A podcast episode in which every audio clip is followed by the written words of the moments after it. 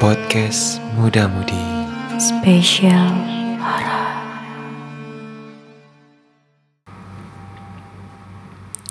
Hai, kembali lagi bareng kita berdua di podcast Muda Mudi Spesial Horor Tentunya di sini masih ada gua Farid. Dan juga gue Zulfa. dan kita berdua seperti biasa akan menemani teman-teman semua dengan cerita super mistis yang akan dihadirkan setiap malam Jumatnya di podcast Muda Mudi Spesial Horor tentunya. Oke, dan buat muda-mudi yang mau nge-share cerita horornya, kejadian-kejadian apa pun itu, bisa langsung aja nge-share ke kontak kita di pemudafm@gmail.com. Atau bisa melalui sosial media kami di @pemudafm baik itu Instagram, Twitter dan lain sebagainya. Jangan lupa disertakan dengan foto, video, Video. Atau Kalau mungkin ada suara juga boleh ya. betul banget. Nah, disertakan juga nomor teleponnya untuk bisa kita telepon ya. Yap, betul banget. Oke, sesuai sama judul podcast kita pada malam Jumat kali ini, kamar mandi. Wow, Konotasinya jangan yang aneh-aneh ya. iya.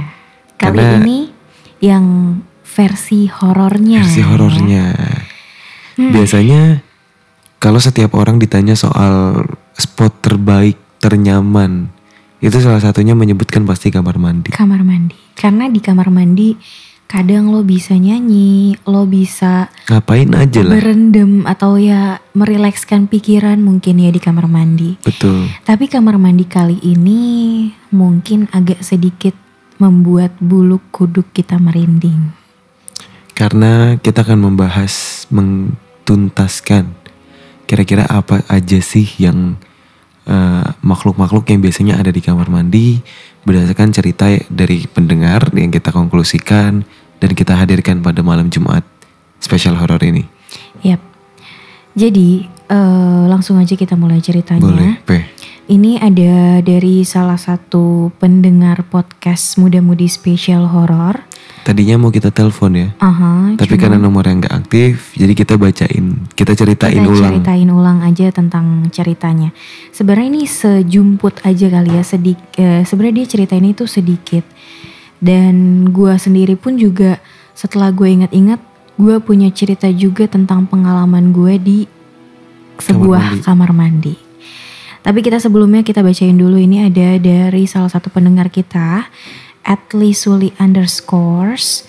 Dia ngirim via Instagram. Dia bilang katanya kejadiannya itu pada saat eh, dia lagi sendirian di rumah. Mm-mm. nggak ada siapa-siapa. Dia mandi sekitar pukul 11 malam. Dan kamar mandinya itu adanya di samping dapur atau di bersebelahan sama dapur katanya. Oke, dan itu posisinya memang full nggak ada siapa-siapa di rumahnya gitu ya. Satu-satunya orang di rumah cuma dia cuma aja ya? dia. Dan dia itu baru pulang katanya baru pulang dan otomatis dia akan langsung mandi kan. Nah setelah dia selesai mandi eh enggak se eh, pada saat dia mandi dia ngedengar ada suara kayak ketukan piring. Kayak Hmm. piring diketuk pakai sendok. Bunyinya itu kayak teng teng teng katanya gitu. Nah di situ dia awalnya kayak mengira itu bukan suara apa-apa gitu kan. Kayak mungkin halusinasi aja gitu kan. Atau mungkin kayak piring yang kesenggol sama tikus atau apa gitu kan dia masih positive thinking katanya ya tapi eh, setelah dia keluar dari kamar mandi dia selesai dari kamar mandi dia lihat ke dapur itu nggak ada sama sekali piring di atas meja yang tergeletak gitu ya. Jadi piringnya itu ya udah bener-bener tersusun rapi di dalam rak piring gitu. Jadi nggak ada piring yang berserakan. Dan biasanya kalau piring di dalam lemari itu bunyinya nggak kayak gitu nggak ya? kayak gitu, nggak kayak diketuk pakai sendok sih sebenarnya. Oke, Kayak gitu. Itu cerita dari salah satu eh, pendengar podcast muda-mudi. ini yang ngebuktiin salah satu tanda kalau kita berbuat sesuatu nih biasanya berkaitan dengan kamar mandi ya. Iya betul banget dan apalagi mungkin kamar mandi itu kan juga tempat apa ya kalau bisa dibilang tempat bersemayamnya makhluk-makhluk tak kasat mata. Mostly. ya kan? Jadi ya kalau pikiran kita juga kayak takut takut takut itu otomatis dia pasti akan semakin berani sama kita. Betul. gitu. Dan eh, kira-kira lo punya cerita lagi nggak Kak Farid? Kalau gue ada nih kejadian dulu, gue dulu ya. Dan eh, ngomongin soal kamar mandi tadi gue sendiri punya kejadian horor juga nih muda-mudi ini kejadian udah sekitar tiga tahun yang lalu dan gue ingetnya itu kalau gue pergi ke tempat ini. Jadi ini kejadiannya itu di Bandung. Jadi setiap gue ke Bandung gue kayak baru inget gitu kan. Kalau ada kejadian ini yang pernah gue alamin. Jadi gue eh, beberapa tahun yang lalu, tiga tahun yang lalu pas gue lulus SMA, gue itu berniat untuk melanjutkan eh, studi gue Mm-mm. di salah satu eh, sekolah tinggi. Sekolah tinggi, gue sebut aja nggak apa-apa ya. Gak apa-apa. Sekolah tinggi pariwisata Bandung di Jalan Setiabudi. And hi. Iya, and hi. Nah, eh gue mau coba tes di situ kan. Kalau gue bolak-balik tesnya otomatis ya akan ribet gitu kan. Betul. Karena tesnya satu minggu. Akhirnya gue sama kebetulan ada salah satu temen gue juga cewek. Dia juga ternyata berminat untuk ikut tes di STPB itu. Mm-mm. Nah, gue memutuskan untuk menginap di salah satu hotel di dekat eh, STPB ini. Mm-mm. Nggak deket-deket banget sih sebenarnya agak jauh di, tapi masih di sekitar Jalan Setiabudi. Nah, eh, gue diantar sama keluarga gue di situ. Kita lihat eh, hotelnya bagus, hotelnya bagus banget, dan eh, kita itu memesan kamar tipe eh, apa tempat tidur yang ada dua Oke. dua single bed. Jadi kita tidurnya masing-masing di tempat tidur gitu kan. Nah di ruang hotel itu terdapat satu buah toilet. Toiletnya itu lumayan besar banget, kayak sekitar eh, mungkin bisa dibilang 3 meter kali ya, 3 meter kali 3 meter. Gede lumayan ya. Iya gede banget itu kamar mandinya gede banget dan eh, dari hari pertama sampai hari kelima nggak terjadi apa-apa Oke. di situ posisinya juga temen gue itu lagi berhalangan. Hmm. temen gue lagi berhalangan jadi otomatis karena gue muslim gue eh, sholat dong. Sholat. Gue selalu inget eh, kata-kata bokap gue kalau di mana-mana kita harus eh, jangan lupa berdoa gitu kan kalau bisa ngaji setiap hari gitu. Dan eh, doain kayak orang-orang yang ada di Terdahulu. situ heeh. kayak enggak jadi kayak kita em, Orang yang punya wilayah di yang situ punya ya. wilayah di situ gitu supaya maksudnya kita tetap aman gitu Mhm. dari gangguan-gangguan yang akan ada gitu kan. Oke. Nah, jadi pas hari ke-6 itu gue udah mulai selesai tes di Bandung, udah mulai selesai tes. Jadi otomatis gue sama temen gue ngabisin waktu untuk kayak jalan-jalan. Hmm. Kayak pergi ke mall atau ke mana gitu makan di luar gitu kan sama temen gue itu. Nah, suatu ketika eh, berarti kan itu besoknya hari ketujuh ya. Itu hari keenam. Gue baliknya itu malam, kayak sekitar jam 11 atau setengah 12 gue sampai di hotel Malam. malam. Nah, eh, pas sampai hotel itu gue eh, sama temen gue itu karena Bandung itu cuacanya dingin. Jadi gue kayak males bersih-bersih gitu sama temen gue. Jadi nggak nggak mandi langsung tidur. Nggak mandi, eh, nggak gue nggak mandi, cuma nggak langsung tidur juga. Oke. Dan di situ posisinya, mungkin ini emang salah gue kali ya. Posisinya gue pun juga belum sholat isya. Mm-mm. Jadi kayak gue sama temen gue asik ngobrol berdua di dalam kamar. Kita ketawa, kita hahaha gitu kan karena udah selesai tes, rasanya lega, perasaan lega semuanya. Dan kayak kita mager aja gitu, mager untuk kayak eh, mandi, bersih-bersih dan gue pun mager untuk sholat isya. Karena di situ posisinya gue belum sholat isya kan Itu jam berapa tadi? Setengah 12 malaman ya? setengah 12 malam deh kalau nggak salah setengah 12 malam Nah, kita di situ sambil nonton TV gitu kan. Kita Mhm. nonton TV, pokoknya kita eh, ngobrol eh, di tempat tidur masing-masing gitu. Nah, kebetulan tempat tidur gue itu yang enggak deket kamar mandi.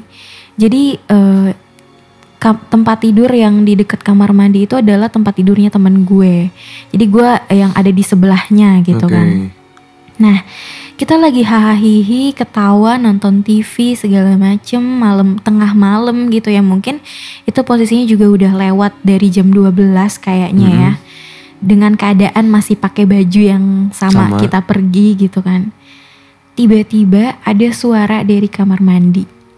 Suara shower jatuh. Oke. Lo bisa bayangin gak sih muda-mudi shower jatuh, shower yang disangkutin itu adalah shower yang disangkutin gitu. Mm. Jadi kalau misalnya nggak diambil ya nggak mungkin jatuh nggak sih itu shower, Ya. ya kan? Nggak mungkin jatuh itu shower.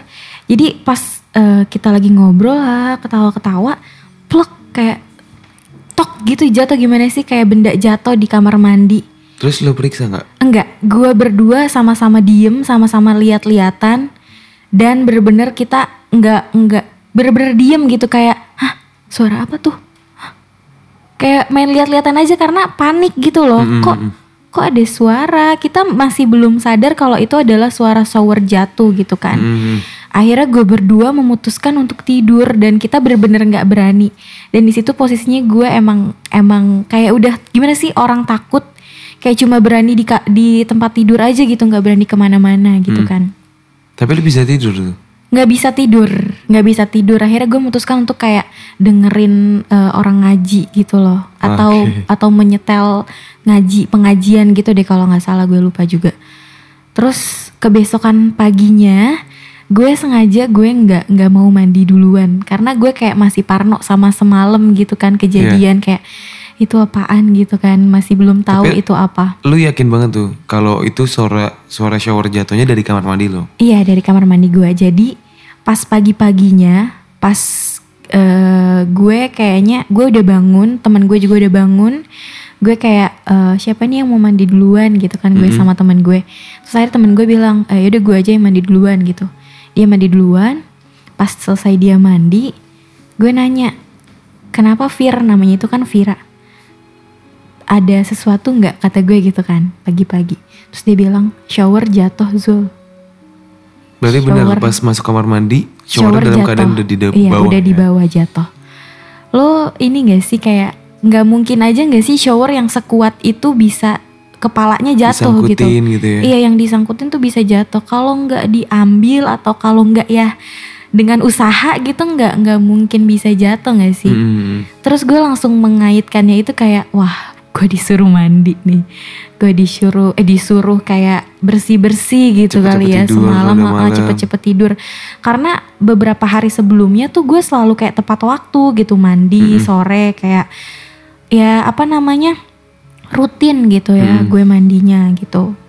Nah terus udah tuh gue mencoba memberanikan diri untuk mandi kan karena kayak gak mungkin dong ini hari terakhir gue gue balik ke Jakarta ya kali gue nggak mandi gitu kan. Hmm. cuma gara-gara shower jatuh gitu.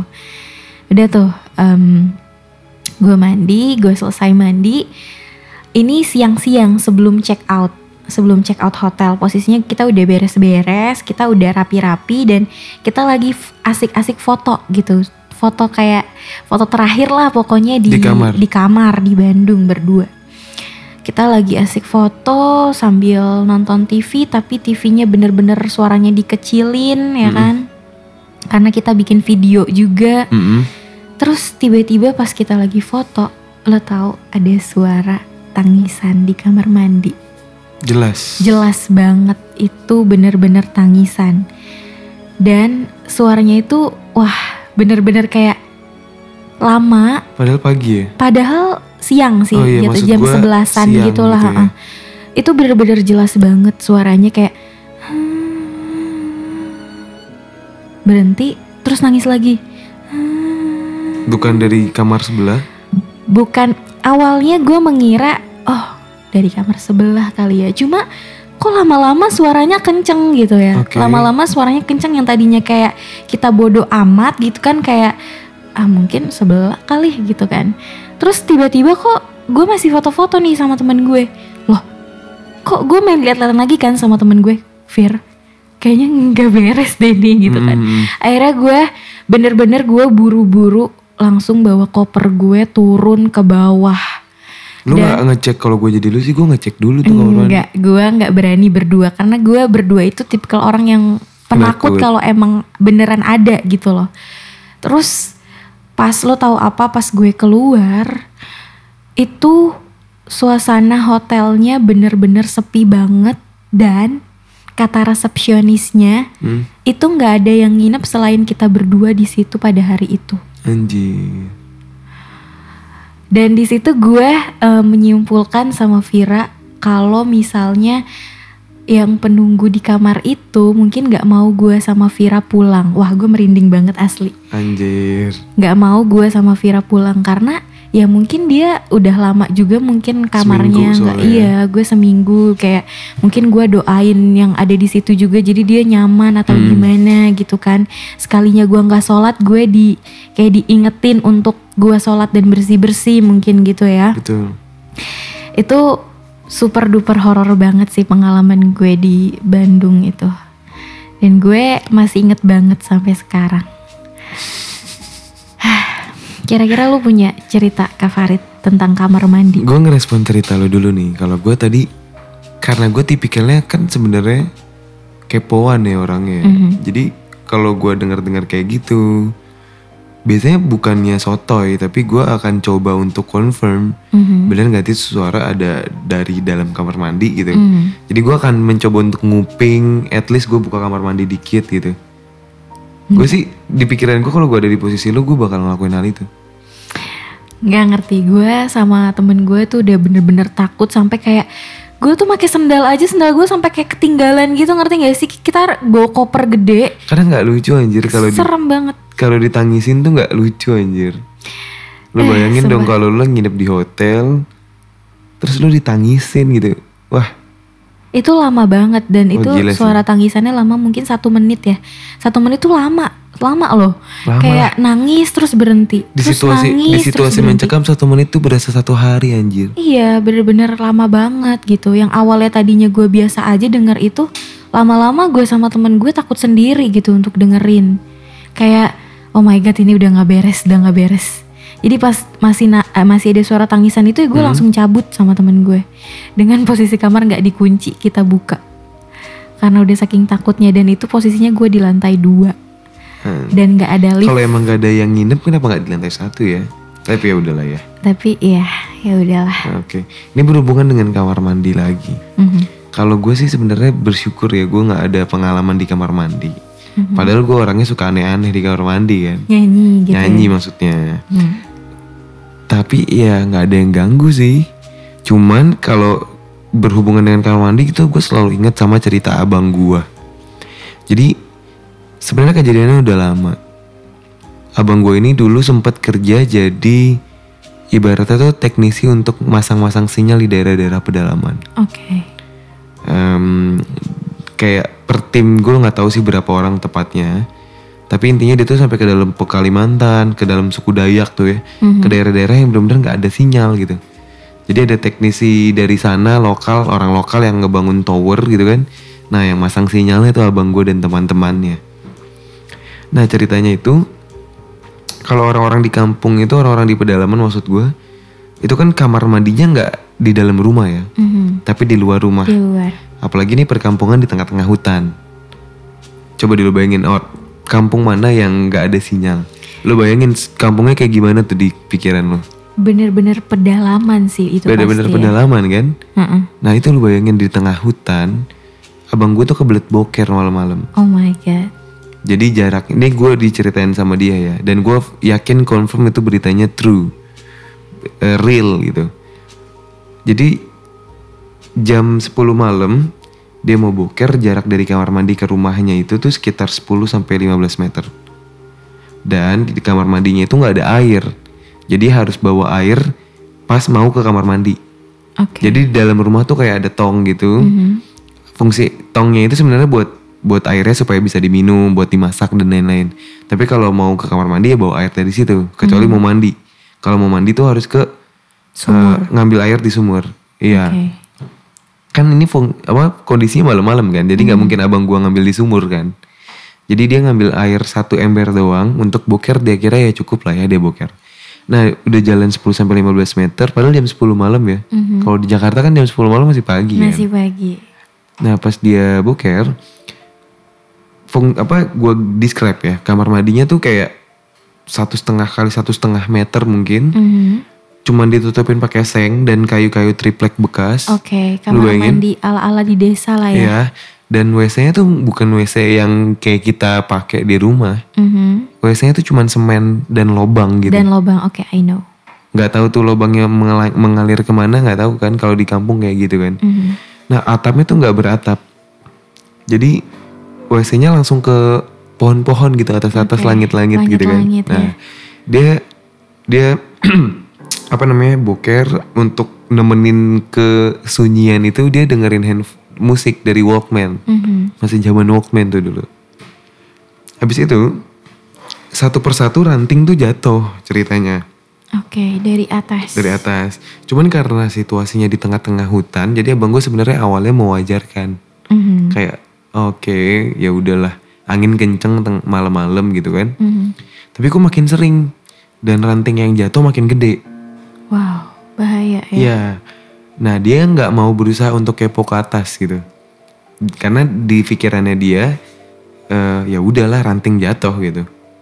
Habis itu pas dia so stay cool, dia men- dia nyopot walkman-nya gitu, dia nggak dengar suara orang nangis dan suara nangisnya tuh kayak kata dia ya awalnya tuh kayak bunyi cicak Wow. bunyi cicak tuh gimana sih kayak gitu ya. Gitu nah awalnya kayak gitu tapi lama-lama jadi nyaring gitu. Oh my. Suara cewek nangis tapi teriak gimana sih? Mhm. Nah eh, dia menca- mencoba untuk cari tahu sumber suaranya kan, tapi dalam keadaan masih jongkok, Mhm. masih meneruskan perbokerannya itu. Pas dia nengok ke atas, tau-taunya itu ada kuntilanak. Oh my god. kakinya nggak ada tapi dia lagi duduk gelantungan di batang di pohon batang pohon. dan lagi ketawa ke abang gue jadi kayak bayangin nunduk apa duduk di ranting po di batang pohon Mhm. tapi palanya ngeliat ke bawah sambil Oh ketawa-ketawa. Ka- dan bawahnya tuh kayak roknya tuh kayak terbang-terbangan gitu loh Wah, merinding. Nah di situlah gue paham awalnya katanya orang diliatin setan tuh nggak bisa lari Hmm. Karena abang gue merasakan kata dia tuh dia nggak bisa lari. Akhirnya dia berusaha stay cool, so stay cool, nyiremin gitu kan. Berusaha ya udahlah menyudahkan perbokeran ini gitu. Dan pas dia so stay cool itu, suara ketawanya makin kenceng. Oh my god. Suara ketawanya literally katanya makin kenceng. Itu abang gue nyeritainnya aja sampai passionate banget gitu Mhm. yang ngeceritain semencekam itu kondisinya. Tengah malam di suku Dayak gitu kan, Kalimantan pedalaman, tengah hutan, kamar mandi nggak ada atap, tapi ada kuntilanak ketawa-ketawa di saat lu boker. Coba lu bayangin Oh lu kayak God. gimana. Dalam posisi biasa aja tuh kita eh, kayak nggak bisa gerak gitu. Yes. Itu apalagi dengan posisi jongkok dan lu buang air besar. Aduh gue gak ngerti sih. Oh my god. Nah ada kelanjutannya tapi weh. Oke. Pas dia 15 meter menuju masuk dalam rumah, Mhm. tiba-tiba tuh Kunti udah di samping pintu WC di saat dia mau nutup. Jadi kayak di film-film, dia mau nutup WC-nya, pas pintunya ketutup gitu, totonya kuntinya ada di balik pintunya. Oh my god. Nah dia dia jalan stay cool gitu kan. Nah pas dia ngeliat ke belakang emang kuntinya nggak ngikutin, tapi totonya kuntinya di atas terbang. Wah, merinding. Bener-bener ngikutin dia sampai dia masuk dalam rumah.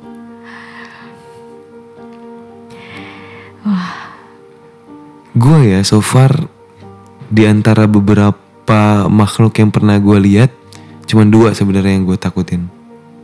Yang gue eh, rada creepy gitu ya. Yang bener-bener emang tuh makhluk suka ngeganggu gitu. Yang kunti karena cewek macem-macem ragamnya kan ada yang suka nyanyi Jawa lah, sinden gitu kan.